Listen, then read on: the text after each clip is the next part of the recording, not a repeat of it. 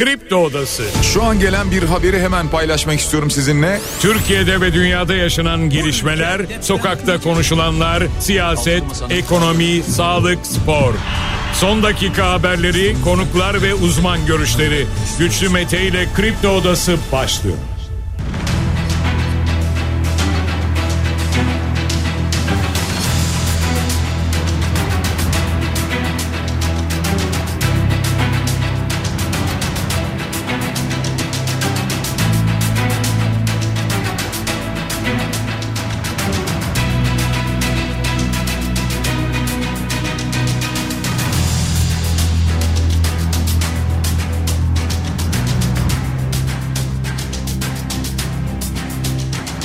23 Ocak Salı sabahından Kafa Radyo'dan Kripto Odası'ndan tüm Türkiye'ye yurt dışında bizi dinleyen dinleyicilerimize günaydın. Hepinize sağlıklı ve güzel bir gün dileyerek her sabah olduğu gibi programımıza başlıyoruz.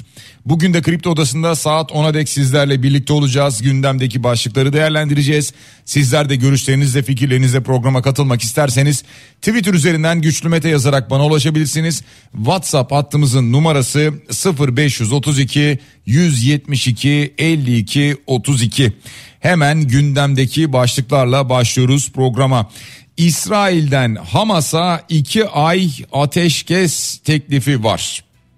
Detaylarına birazdan yer vereceğiz. İsveç'in NATO'ya üyeliğinin Türkiye Büyük Millet Meclisi'nde bugün görüşülmesi bekleniyor. Bir üyelik protokolü imzalanmıştı. Hatırlayacak olursanız Cumhurbaşkanı Erdoğan tarafından. Merkez Bankası ve Hafize Gaye Erkan hakkındaki iddialar ve bu iddialara ilişkin istenen bir aydınlatma bir çağrı var hatta bir değil birkaç çağrı var halk vatandaş aydınlatılsın deniliyor. Özgür Özel en düşük emekli maaşını en az bir asgari ücret yapın ilk adım bu olsun diyor. İkinci adım bir buçuk asgari ücret seviyesine çıkartın dedi. Bu arada Özgür Özel Kemal Kılıçdaroğlu'yla bir araya geldi bir görüşme gerçekleştirdi. Sahillere vuran cansız bedenler, cesetler maalesef Türkiye'nin gündeminde yer alıyor sevgili dinleyiciler. Bunlardan birisi 18 yaşındaki Merve'ye ait, diğerlerinin göçmen faciası sonucu olduğu ifade edildi. Kurumdan Kanal İstanbul'la ilgili bir açıklama var. Kendisine bu soru soruldu. Kanal İstanbul olacak mı olmayacak mı? İstanbul halkı neyi istiyorsa onu yapacağız dedi. İstanbul'dan gelen başka açıklamalar da var. Ekrem İmamoğlu'nun mesajlarına da yer vereceğiz. MHP'nin seçim sloganı belli oldu. Cumhur bizim, Türkiye hepimizin. MHP'nin seçim sloganı ve aynı zamanda MHP'nin bir yandan meydanlara ineceği takvim de belli oldu. Miting takvimi. Başak Demirtaş Dem Parti'nin İstanbul adayı olacak mı? Dem Parti'den de gelen açıklamalar var. Aynı zamanda Özgür Özel'den buna ilişkin bir de yorum var. Bunları da paylaşacağız. Barış Atay İstanbul Büyükşehir Belediye Başkanı olacak adayı olacak iddiasına yalanlama geldi Erkan Baş'tan Türkiye İşçi Partisi'nden. Muharrem İnce bir mesaj paylaştı. Bugüne kadar konuşmadım sabrettiniz. Cuma gününe kadar sabredin dedi Muharrem İnce böyle bir mesaj paylaştı. Kırgızistan Sincan sınır bölgesinde 7 büyüklüğünde bir deprem meydana geldi. Şu ana kadar gelen bilgilerde bir can kaybı yok ama bazı evlerin yıkıldığı ve yaralananlar olduğu yönünde gelen bilgiler var. Kripto para yasası Türkiye'de. Şimdi Türkiye'de olacak çalışmalar devam ediyor. Bunun için bir geri sayım süreci içerisinde olduğumuz ifade ediliyor. Dünya Sağlık Örgütü'nden bir uyarı var. Covid-19'dan 20 kat daha ölümcül olabilir yeni X hastalığı diyor. Dünya Sağlık Örgütü bunlardan da bahsedeceğiz. TODEX'in kurucusu Faruk Fatih Özer'e ikinci dava var sevgili dinleyiciler. İkinci bir soruşturma vardı tamamlandı ne isteniyor detaylara yer vereceğiz. Şafak Mahmut Yazıcıoğlu avukat Şafak Mahmut Yazıcıoğlu cinayeti davasında bir karar çıktı. Müebbet ve 15 yıl 6 ay hapis cezası verildi Kadir Yasak'la ilgili. Esenyurt'ta bir dehşet haberi. Bıçakla 10 kişi yaralandı. İzlediniz mi görüntüleri bilmiyorum ama rastgele saldırıyor. Belli ki psikolojik sorunları var. Bıçakla 10 kişi yaralıyor. Daha sonra yakalandı. 14 sabıka kaydı olduğu ortaya çıktı. Meteorolojiden 10 il için yoğun kar yağışı uyarısı var. Bunların hepsini program içerisinde konuşacağız. Süper Lig'de 22. hafta maçları bugün başlıyor ve Türkiye Kupası'nda son 16 turu eşleşmeleri belli oldu. Hemen bir de finans tablomuza bakalım. Her sabah olduğu gibi dolar şu anda 30 lira 26 kuruş, euro 33 lira 3 kuruş, gram altın 1975 lira, çeyrek altın 3381 lira olarak görünüyor. Bankaya baktığımızda bankada dolar 30 lira 88 kuruş, euro 33 lira 68 kuruş, altının gramı bankada 2010 lira. Dolayısıyla serbest piyasada 3400-3500 lira civarındadır çeyrek altın fiyatı. Borsa İstanbul dün çok az bir artış gösterdi ama kendini 8000 puanın üzerine attı. BIST endeksi 8010 puanda. Ee, bakalım bugün nasıl başlayacak nasıl devam edecek. Bitcoin'de bir miktar gerileme var bir süredir. Yine %2'lik bir düşüş hatta %2,5'luk bir düşüş gerçekleşti. 40 bin 21 dolar seviyesinde 40 bin doların çok az üzerinde şu anda Bitcoin. Evet kısaca başlıklarımız böyle sadece bu kadar değil daha konuşacağımız birçok başlık var. Mesela başlıklar arasında saymadık ama Alper Gezer Avcı Türk astronot biliyorsunuz uzay istasyonunda çalışmalarına başladı. Erdoğan'la bir görüşme gerçekleştirdi. Erdoğan kıvanç duyduklarını söyledi. Bu arada burada deneyler yapıp sonuçları ülkemize getireceğim diye bir açıklaması oldu. Alper Gezer Avcı'nın Dün biliyorsunuz bir sahte hesap tartışması vardı. Bu sefer Cumhurbaşkanı Erdoğan'ın sorularını cevapladı. Dolayısıyla oraya nasıl gittiği, ne gibi zorluklar olduğu, olmadığı, neler yapacağını dünkü bu konuşma içerisinde açıklamış olduğu net bir şekilde. Tabii e, tüm bunlar gerçekleşirken bir yandan e, elbet e, uzaya gitmeyi bir Türk astronotun uzaya gitmesini kimse eleştiriyor değil. E, sadece acaba daha e, iyi bir hani milli uzay programı dedik ya e, daha iyi bir yol yöntem olabilir miydi? Yani kendi uzay aracımızla kendi istasyonumuzdan hareket edebilir miydik tartışmaları vardı. Şimdi Cumhurbaşkanı Erdoğan'ın daha önce yapmış olduğu e, bir açıklama gündeme geldi. Pandemi sürecinin ardından şöyle bir şey söylemişti. 810 milyon insan en temel gıda maddelerine ulaşamazken diğer tarafta büyük sermaye sahipleri birkaç dakikalık turistik uzay seyahati için yüz milyonlarca doları harcayabilmektedir. Bu sözler sosyal medyada yeniden gündeme geldi. E, muhtemelen daha çok belki de şahısları burada e, kastetmişti. Turistik uzay seyahati diyordu çünkü bu bir çalışma. Devam ediyoruz. İsveç'in NATO üyeliği konusu. Bu konuşulacak e, bugün yarın da o yüzden biz de gündemimizi aldık. E, biliyorsunuz Hakan Fidan Dışişleri Bakanı Amerika'ya gitti. E, tabii Amerika'ya aslında bunun için gitmedi. Birleşmiş Milletler Güvenlik Konseyi toplantısı var. E, Filistin konulu bir toplantı buna katılmak üzere gitti. E, ancak e, Amerika'dan hemen haberler geldi Amerika Dışişleri Bakanlığı'ndan İsveç'in NATO üyeliği için Türkiye'nin yasama süreçlerinin tamamlamasını bekleyeceğiz diye bir açıklama geldi ki ardından hatta ve hatta şöyle bir bilgi paylaşıldı. Türkiye'de Türkiye Büyük Millet Meclisi bugün yani işte salı günü işaret edildi. Bu konuyu gündemine alacak ve bir oylama gerçekleştirecek. Ee, İsveç'in NATO'ya üyelik e, protokolü zaten imzalandı daha önce. Yani Cumhurbaşkanı Erdoğan tarafından imzalandı. Şimdi meclise geliyor. Meclise ne zaman gelir deniyordu. İşte e, komisyon e, bunu görüştü. Ne zaman görüşür? Meclise ne zaman gönderir konuları vardı. Şimdi mecliste görüşülecek. E, bugün görüşülmesi bekleniyor. E, burada da bir salt çoğunluk yeterli olacak. Yani bu protokole evet diyenler salt çoğunluğu bulurlarsa onlar yeterli olacak. O üyelik gerçekleşecek. Dolayısıyla Türkiye engeli de ortadan kalkmış olacak İsveç'in NATO üyeliği için.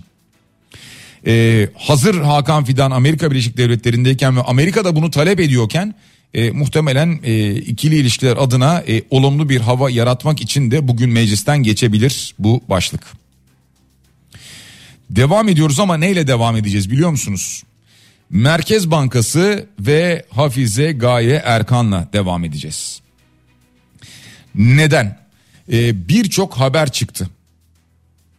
Bu haberler bir kez yalanlandı. Ama yine de bunun yeterli olmadığını dün ifade ettik. Siyasilerden gelen açıklamalar da var. Şimdi bunlara da bakacağız. Ve hatta ve hatta bir haber vardı ki Cumhurbaşkanı Erdoğan'ın bugün Hafize Gaye Erkan'la görüşeceği iddiası vardı ama bunu Cumhurbaşkanlığı İletişim Başkanlığı yalanladı. Yani böyle bir görüşmenin olmayacağını söyledi veya en azından bugün olmayacağını söyledi. E, Hafize Gaye Erkan biliyorsunuz Amerika Birleşik Devletleri'ndeydi bir süredir. E, orada yatırımcı toplantılarına katılmıştı oradan döndü ve ekonomi koordinasyon kurulu toplantısına katıldı. E, dün ortaya CHP'li Burhanettin Bulut'tan bir iddia atıldı. Bu 7 Aralık'ta piyasaya sürülen 200 liralık banknotlardaki imzanın Merkez Bankası Başkanı Hafize Gaye Erkan'a ait olmadığını söyledi. Yani dolayısıyla bu imzanın aslında bir anlamda sahte olduğunu söyledi. Neden bunu söylüyor? Diyor ki Amerika'da kullandığı imza bu. Gösteriyor elinde belgeler var. Yani Amerika'dayken kullandığı imzalar imza bu. Şimdi Türkiye'de kullanmış olduğu paranın üstüne atmış olduğu imza bu. Her yerde farklı bir imza mı kullanıyorsunuz diyor ve imzanız değiştiyse bunu noterden mi yaptınız? İtibarımızın simgesi paramıza neden farklı bir imza atma gereği duydunuz diye sordu. Şimdi böyle bir soru geldi gündeme. Ee, bir diğer konuya bakacak olursak. Ee, iddialar var. Bunlar hep iddia diyorum. Erdal Sağlam'ın mesela yazdığı bir yazıdaki iddiası vardı. Erkan'ın duyumlarımıza göre banka içinde kendisine yakın birkaç kişi dışında hiçbir yöneticiyle doğrudan teması kalmamış gibi görünüyor diye bir iddia ortaya attı. Bu arada Merkez Bankası'nın özel sağlık harcamaları ortaya çıkarıldı ve Sayıştay'ın uyarılarına rağmen bankanın personelinin ve aileleri için yapılan kanuna aykırı sağlık harcamalarının yıllardır devam ettiği haberleri yapıldı. Ee, ciddi miktarda e, ciddi şekilde yani bu bütçelere baktığımızda e, paralara baktığımızda ciddi bütçeler ayrılmış görülüyor. Yani mesela 2014'te 24.9 milyon lira bu iş için ayrılmışken şimdi 2022'de 69.8 milyon lira aşağı yukarı 70 milyon lira personel ve ailelerin sağlığı için harcanmış gibi görünüyor. 10 yılda 357 milyon lira. Şimdi bu tip iddialar var. Ee, İyi Parti sözcüsü Kürşat Zorlu'nun açıklaması var. Diyor ki biz buradan siyasi iktidarı uyarıyoruz. Her şey daha da içinden çıkılmaz bir hal almadan gereğini yapın ve ülkemizin itibarını kurtarın. İyi Parti olarak beklentimiz de Hafize Gaye Erkan ve ailesi hakkındaki iddialarla ilgili olarak milletimizin derhal aydınlatılması ve gereğinin yapılmasıdır diyor. Ee, eğer diyor gereği dediğim ifade o Merkez Bankası Başkanı'nın yani bir cevapla aydınlatılamıyorsa bu durum o Merkez Bankası Başkanı'nın bir dakika bile o görevde durmamasıdır diyor. Şimdi böyle beklentiler ortaya çıkmaya başladı. Ki e, bunu geçtiğimiz hafta da kısmen konuştuk. Bu hafta da gündemimizdeydi pazartesi günü dün yine söyledim bir kez daha söylüyorum yani e, zaten artık siyasiler de söylemeye başladı. Ortada bir takım iddialar vardı. Bu iddialara ilişkin Hafize Gaye Erkan'dan bir yalanlama geldi. Bir e, cep telefonundan bir e, WhatsApp yazışması görüntüsü vesaire falan geldi. Kendisine bir işte komplo kurulduğuna dair e, bir takım iddialar ortaya atıldı. Bunun aydınlatılması gerekiyor dedik. İki tür yani iki taraftan bakmak lazım. Bir e, Hafize Gaye Erkan'ın gerçekten bu konularda bir e, dahli suçu vesairesi falan yoksa aklanması için aydınlatılması gerekiyor zaten. İki ortada bir sorun varsa Merkez Bankası'ndan bahsediyoruz. Herhangi bir özel bankadan vesaireden falan bahsetmiyoruz. Devletin Merkez Bankası'ndan bahsediyoruz. Hepimizin Merkez Bankası'ndan bahsediyoruz. Şimdi Ali Babacan Deva Partisi Genel Başkanı e, son dönemlerde ben de üzülerek izliyorum diyor. E, Merkez Bankası Başkanı magazin haberleriyle anılmaya başlandı diyor. Benim Merkez Bankası yönetimine çağrım özellikle Merkez Bankası Başkanı'na çağrım bir an önce çıkıp basının önüne kendi ağzından tüm bu iddialara cevabını verip dedikoduların önünü kesmektir diyor. Evet dün biliyorsunuz aynısını söyledik sabah yayında. Yani ya bir e, haberciye, bir televizyoncuya, gazeteciye, radyocuya bilmiyorum konuşmalı. Kendisi bir programa katılmalı.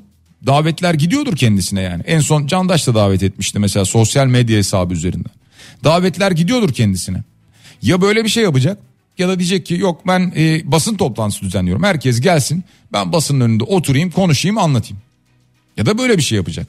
Tabi biraz zor yani şu açıdan zor e, çok alışkın olmadığı bir tablo muhtemelen yani genel itibariyle çıkıp sadece e, ağırlıklı olarak hazır metinler üzerinden e, konuşuyor metni hazırlanıyor e, veya sorular alıp soruları bir kenara yazıp e, düşünüp onlara cevap veriyor ama şimdi biraz magazinel yani magazinel derken ciddi anlamda suçlamalar var biraz bu konular olduğu için biraz daha sert gelebilir sorular. E, ama böyle bir tartışma şu anda devam ediyor. Siyasetin de Türkiye'nin de gündeminde. Ve devam ediyoruz. Özgür Özel e, Kemal Kılıçdaroğlu'yla bir araya geldi. Dün e, böyle bir görüşme gerçekleştirdiler. Bir detay bilgi paylaşılmadı ama yani tahmin edersiniz ki gündem konuşuldu. Tahmin edersiniz ki gelecek olan e, yerel seçimler konuşuldu. Öyle tahmin ediyoruz biz de. Muhtemelen bunlar üzerine bir takım görüş alışverişinde bulundular herhalde. Ee, Özgür Özel diyor ki önceki genel başkana vefa partisini iktidar yaparak olur diyor. Böyle bir mesajı var kendisinin. Aynı zamanda şimdi emeklileri de yakından ilgilendiren bir açıklaması var Özgür Özel'in. Diyor ki emekli maaşını yani en düşük emekli maaşını en az bir asgari ücret yapın diyor. Bu ilk adım olsun. Sonra da bir buçuk asgari ücrete çıkartın diyor.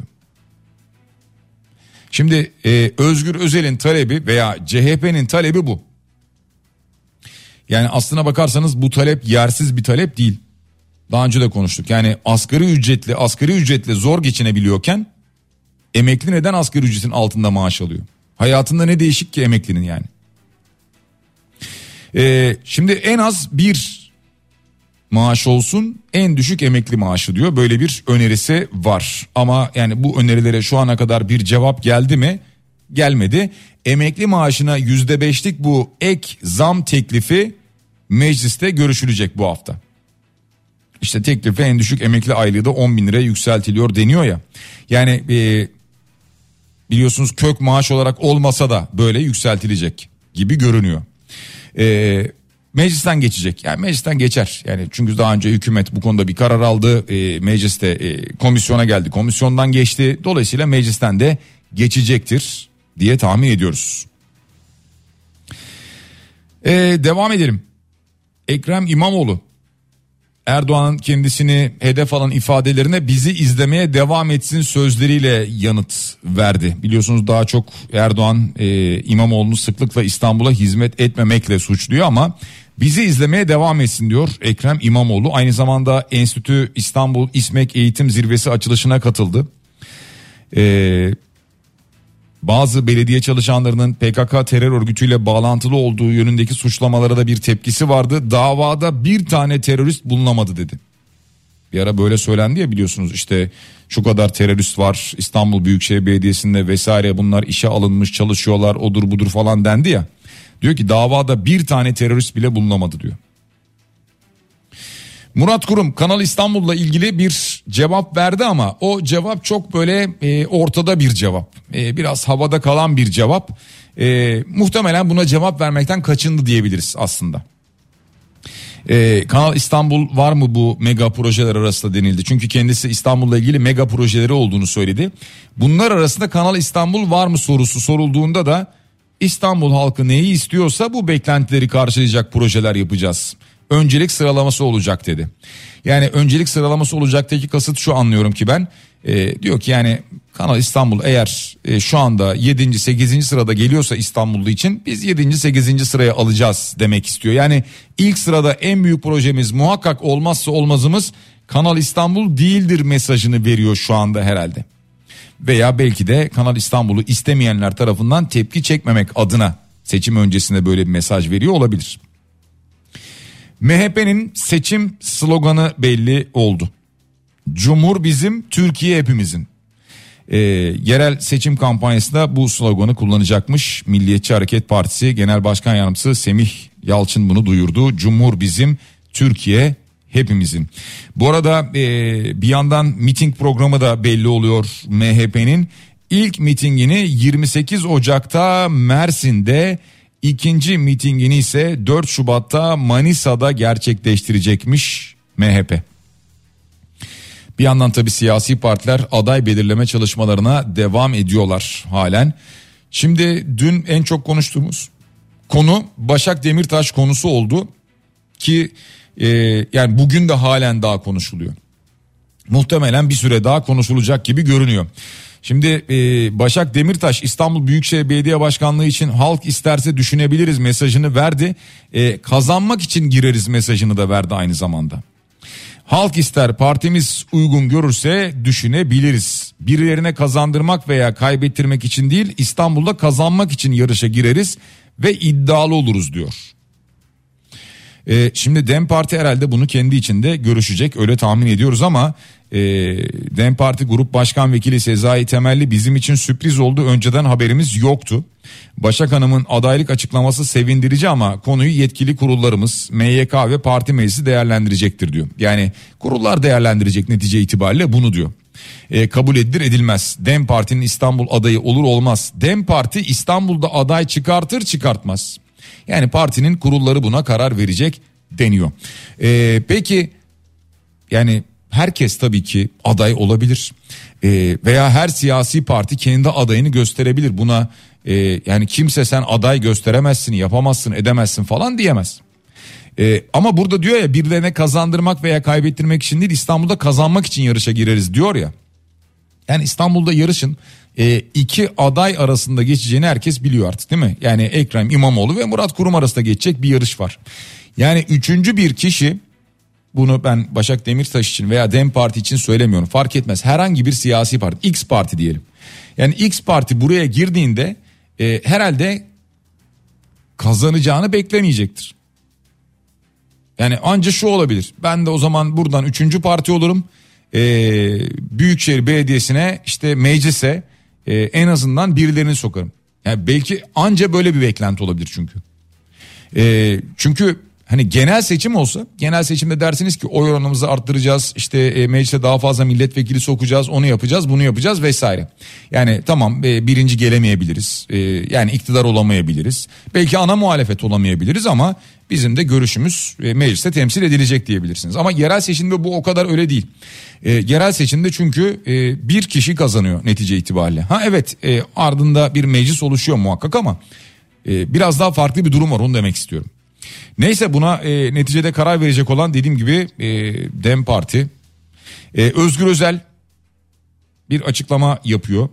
E, diyor ki bize karşı yapılan her türlü saygısız yaklaşımı boşa düşürmesi açısından son derece önemlidir diyor. Ve bu karara saygı duymak gerekir diyor. Yani hani Dem Parti ile e, CHP birlikte hareket ediyor vesaire gibi e, iddialar var ya. Buna ilişkin diyor yani bu yaklaşımları boşa düşürür. Dolayısıyla diyor bu açıdan önemlidir diyor. Önemsediğini ifade ediyor. Muharrem İnce sabredin dedi sevgili dinleyiciler.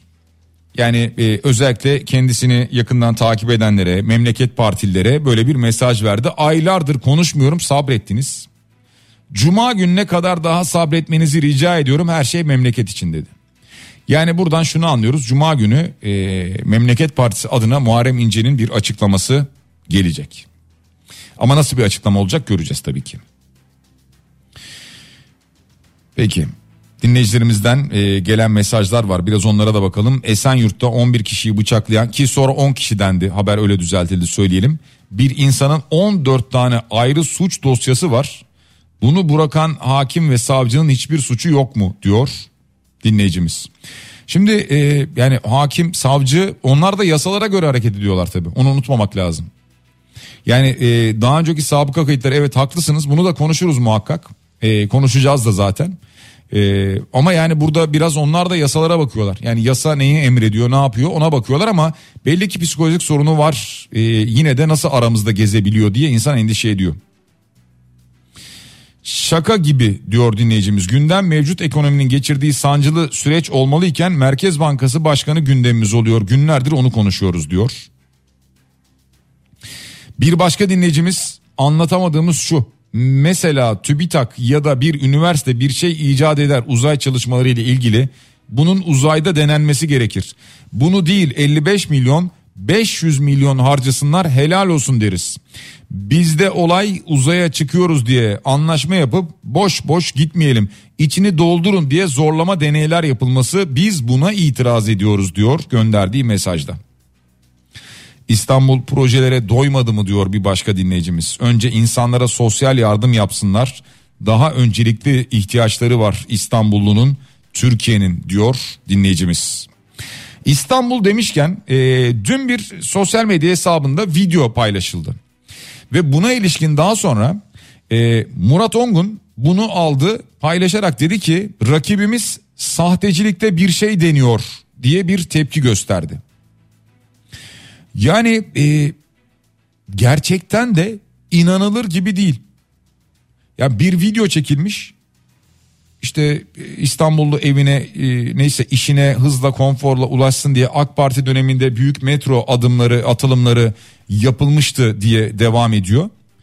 E, ama ardından yapay zeka devreye giriyor ve Ekrem İmamoğlu sözüm ona şunları söylüyor. Biz de bu metroların kimini durdurduk, kimine devam ettik. Mutluyum çünkü tarihimizin en çok metro hattına çöken yönetimi biz olduk diyor. Yani bir yapay zeka devreye giriyor. İşte yapay zekanın tehlikeli bölümleri bunlar. Sanki Ekrem İmamoğlu bunu söylüyormuş gibi bir video yayınlanıyor. Ya inanılır gibi değil ama bu video yayınlandı. İnanan olur mu bilmiyorum. Ya belki de olacak.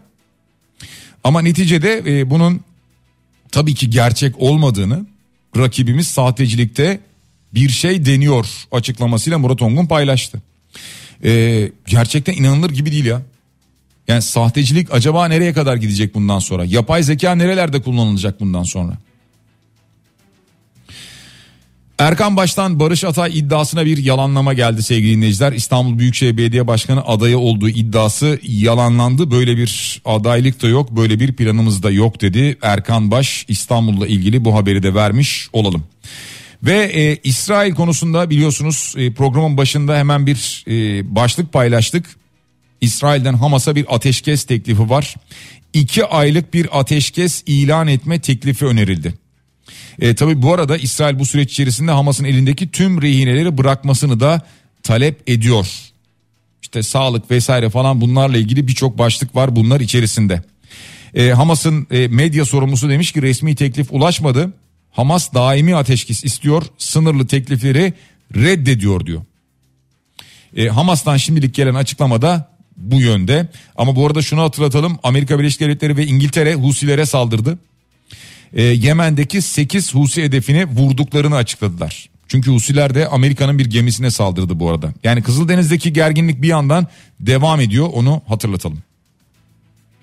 Ve biz de devam ediyoruz gündemdeki diğer başlıklarla. Ee, bir iddia var ee, Can Atalay'la ilgili Atalay'ın milletvekilinin düşürülmesine ilişkin karar bu hafta okunabilir mecliste. Dolayısıyla kritik bir hafta milletvekilliği düşürülebilir iddiası var gündemde. Ee, bakalım olacak mı? Ee, Sırrı Süreyya Önder rahatsız olduğu için e, bu hafta meclisi o yönetmeyecekmiş. Ee, dolayısıyla Celal Adan yani MHP'li meclis başkan vekili Celal Adan yönetecekmiş. İddia o ki Numan Kurtulmuş bunu gündeme alırsa Celal Adan bu kararı okuyabilirmiş. Dolayısıyla milletvekilliği düşürülebilir iddiası var takip ediyoruz. Ee, Bloomberg'in bir anketi var faiz artışının devam edeceğini söylüyor. Türkiye'de perşembe günü biliyorsunuz Merkez Bankası Para Politikası Kurulu toplanacak ve o gün bu karar alınacak ama şu ana kadar gelen anketlere baktığımızda ki son olarak Anadolu Ajansı anketi de vardı yanlış hatırlamıyorsam faizin 250 bas puan artırılması bekleniyor. Yani e, 42,5'tan 45 seviyesine çıkarılması bekleniyor. Anketlerdeki beklenti en azından bu yönde onu da hatırlatmış olalım sizlere. Ee, bir reklam arasına gideceğiz sevgili dinleyiciler. Reklamları dinleyelim. Reklamlardan sonra gündemdeki diğer başlıklarla programımıza kaldığımız yerden devam edeceğiz. Kripto Odası devam ediyor. Gündemdeki başlıkları değerlendirmeye devam ediyoruz biz de programımız içerisinde sevgili dinleyiciler. Şimdi programın başında vermiş olduğumuz başlıklarla biraz bunları detaylandırarak devam ediyoruz ki sahillere vuran cansız bedenler konusu 9 ceset olduğu ifade edildi son olarak. Şimdi e, bununla ilgili detaylı bilgi de İçişleri Bakanı Ali Yerlikaya tarafından geldi ki bunlardan birisinin 4 Ocak'ta kaybolan 18 yaşındaki Merve Şevval Elmas'a ait olduğu bilgisi paylaşıldı. Baba Orhan Elmas maalesef ciğerparem hakkın rahmetine kavuştu diye bir açıklama yaptı. Aynı zamanda Diğer cesetlere bakıldığında kıyafetlerin üzerlerindeki kıyafetlerin Suriye'de üretildiği tespit edilmiş. Dolayısıyla o cansız bedenlerin de maalesef bir göçmen faciasına kurban gittiği anlaşılıyor. Muğla'da kuyuya vuran bir ceset vardı ki o da 6 Ocak'ta Kurtoğlu burnu açıklarında kaybolan 3 düzensiz göçmenden birine ait olabileceği açıklanmıştı. Yani e, Antalya'da bir ara çokça konuşuldu bu konu gündeme geldi. Kıyıya vuran cesetler var. E, maalesef bazı uzuvları yok. Acaba bir seri katil mi var gibi iddialar ortaya atılmıştı sosyal medya üzerinde de. İşte bunun böyle olmadığı aslında genel itibariyle bir düzensiz göçmen faciası olduğu ortaya çıkıyor, çıktı. Çok acı tabii. Yani e, senelerdir bu yaşanıyor. Ege maalesef bu şekilde cansız bedenlerle dolup taşıyor dünyanın gözü önünde.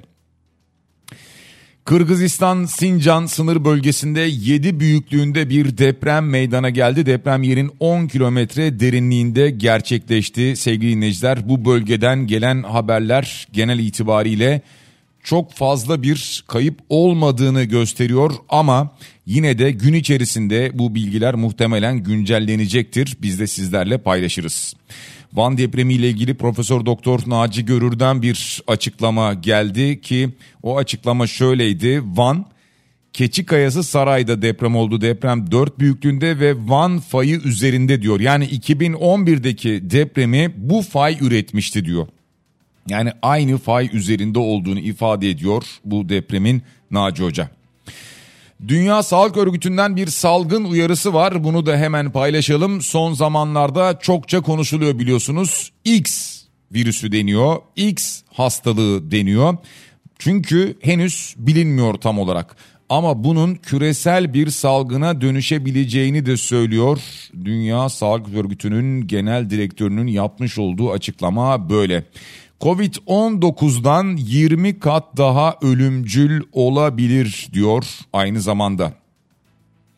Mayıs ayında bütün ülkelerin ortak düşman olan pandemiye karşı bir anlaşmaya varmalarını umut ediyorum diyor. Covid-19 sırasında birçok insanı kaybettik çünkü onları yönetemedik, kurtarılabilirlerdi ama yer yoktu, yeterli oksijen yoktu diyor. Bu hastalık X ile ilgili de uyarısını yapıyor. Hastalık X denilen bu X virüsü ya da hastalığı insanlarda hastalığa neden olup olmadığı bilinmeyen bir patojenden kaynaklanıyor. Ciddi bir uluslararası salgını temsil ediyor deniliyor. Şimdilik çok uzak geliyor bize belki ama umarız böyle olur. Umarız böyle kalır çünkü bu Covid-19 döneminde çok büyük acılar yaşadık. Çok zorlandığımız bir dönem oldu tüm dünyanın hayatında bir değişiklik oldu. Biliyorsunuz halen daha bunun etkilerini yaşıyoruz. Umarız bir de başımıza böyle bir şey gelmez. Türkiye'de bazı firmalar yapılan ilaç zammını az buldular. Öyle bir aşağı yukarı yüzde 25'lik zam gelmişti. Döviz kurunda yeni bir hesaplama yapmamız üzerine. Ve ardından da bu az bulununca iddia o ki 3 firma Türkiye pazarına bazı ilaçlarını satmayacağını duyurdu. Hatta şöyle söyleyelim bu firmalardan yazılı açıklamalar da var. Satışları sonlandırılan ürünler diye ki o ürünlere baktığımızda Alzheimer, astım, epilepsi ve gözle ilgili ilaçlar da yer alıyor bunlar içerisinde. Ee, yani ilaç bulmak bazı alanlarda sanki biraz zorlaşacak gibi bir hava var bu haberle birlikte. TODEX'in kurucusu Faruk Fatih Özer. Biliyorsunuz dolandırıcılıkla kendisi yargılandı. Şimdi ikinci kez bir soruşturma açıklı e, tamamlandı, açıldı ve ardından da kendisi hakkında 11.462 yıla kadar hapis cezası istendi. 11.462 yıl. E, toplamda 94 milyon liralık bir vurgun yaptıkları belirlenmişti hatırlayacak olursanız sevgili dinleyiciler. Daha önce de zaten 11.190 yıl 6 ay hapis cezasıyla cezalandırılmışlardı. Şimdi de 11 bin yıl hapis cezası isteniyor Faruk Fatih Özer hakkında. İstiklal'deki bombalı saldırıyı hepimiz hatırlıyoruz. 6 kişi hayatını kaybetmişti. 99 kişi yaralanmıştı bu bombalı saldırıda. İşte bu saldırı davasında 3 sanığın tahliyesine karar verilmiş. E, şimdi Ahlam Elbeşir e, bir şey söylemek istemiyorum demiş. Hatırlıyorsunuz o terörist kadını herhalde. E, o bir şey söylemek istemiyorum demiş ama onunla beraber zaten şu anda halen daha cezaevinde yatanlar yani tutuklu olanlar var. Toplamda 13 sanık tutuklu. Sadece ikisinin pardon üçünün tahliyesine karar verilmiş. İstanbul'da şu Esenyurt'taki e, dehşet haberi gördünüz mü?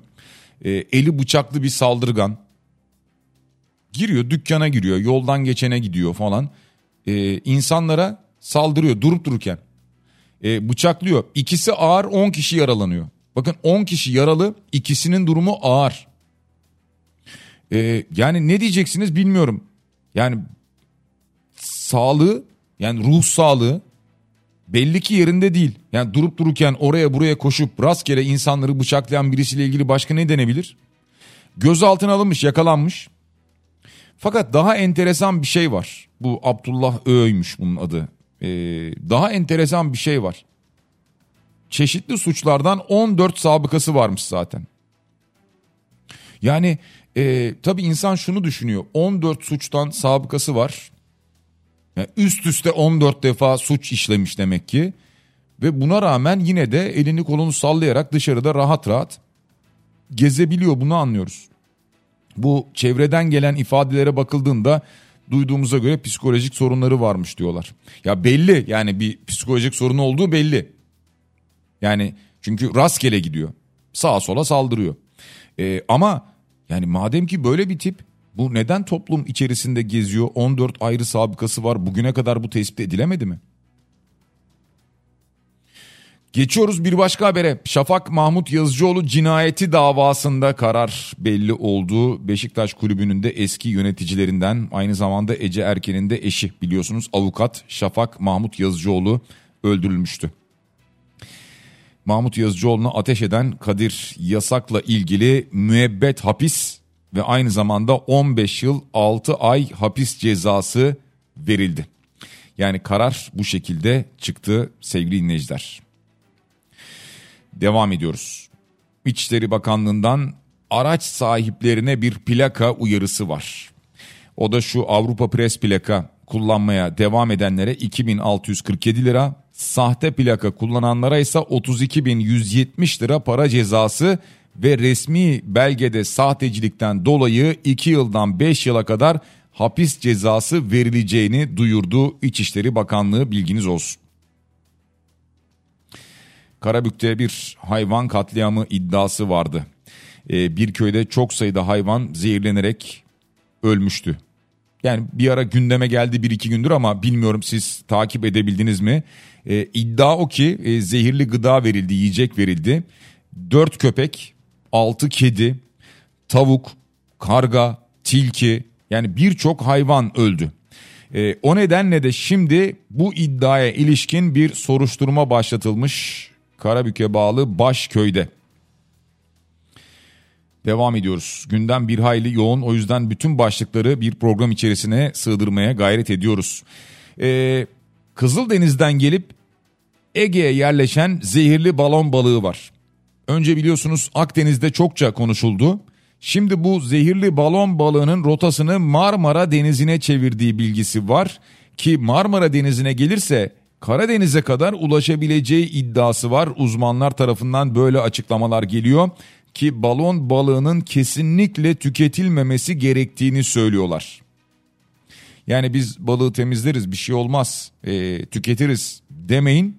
Çünkü balon balığının içindeki zehrin en ufak bir miktarının bile yarım saat içinde ölüme sebep olacağı söyleniyor. Ya bununla ilgili daha önce defalarca uyarılar yapıldı. Yapıldı da bu tehlikeyle nasıl mücadele edeceğiz tabii. Bir yandan öyle bir endişe de var. Yani e, balıkçılar bunu herhalde en iyi anlarlar. Öyle diyelim. E, çünkü vatandaş anlamayabilir, sofrasına gelebilir, bir yerden alabilir. E, gerçi görüntüsünden biraz belli oluyor ama netice itibariyle çok dikkatli olmakta fayda var. Uzmanların bu konudaki uyarıları böyle. Meteoroloji ile ilgili uyarıları hatırlatalım şimdi de. Meteoroloji Genel Müdürlüğü tarafından uyarı var ki e, özellikle kar uyarısı var. Ağrı, Bitlis, Erzurum, Hakkari, Kars, Muş, Van, Siirt, Şırnak ve Ardahan için sarı kodlu uyarısı var meteorolojinin. Ve aynı zamanda buzlanma, don, çığ tipi gibi olumsuzluklara karşı dikkatli ve tedbirli olunmasını istiyor meteoroloji. Süper Lig'de 22. hafta karşılaşmaları bugün itibariyle başlıyor. Sevgili dinleyiciler Hatay Spor Alanya Spor maçıyla başlayacak. Ardından Pendik Spor Kasımpaşa maçı var ve bu akşamın son karşılaşması Beşiktaş Adana Demirspor maçı olacak. Fenerbahçe'nin maçı yarın Başakşehir'le deplasmanda oynayacak Fenerbahçe ve Perşembe gününün programına baktığımızda da Galatasaray İstanbulspor, Rize Spor, Trabzonspor maçlarını görüyoruz. Bu arada Ziraat Türkiye Kupası'nda son 16 turu eşleşmeleri de belli oldu.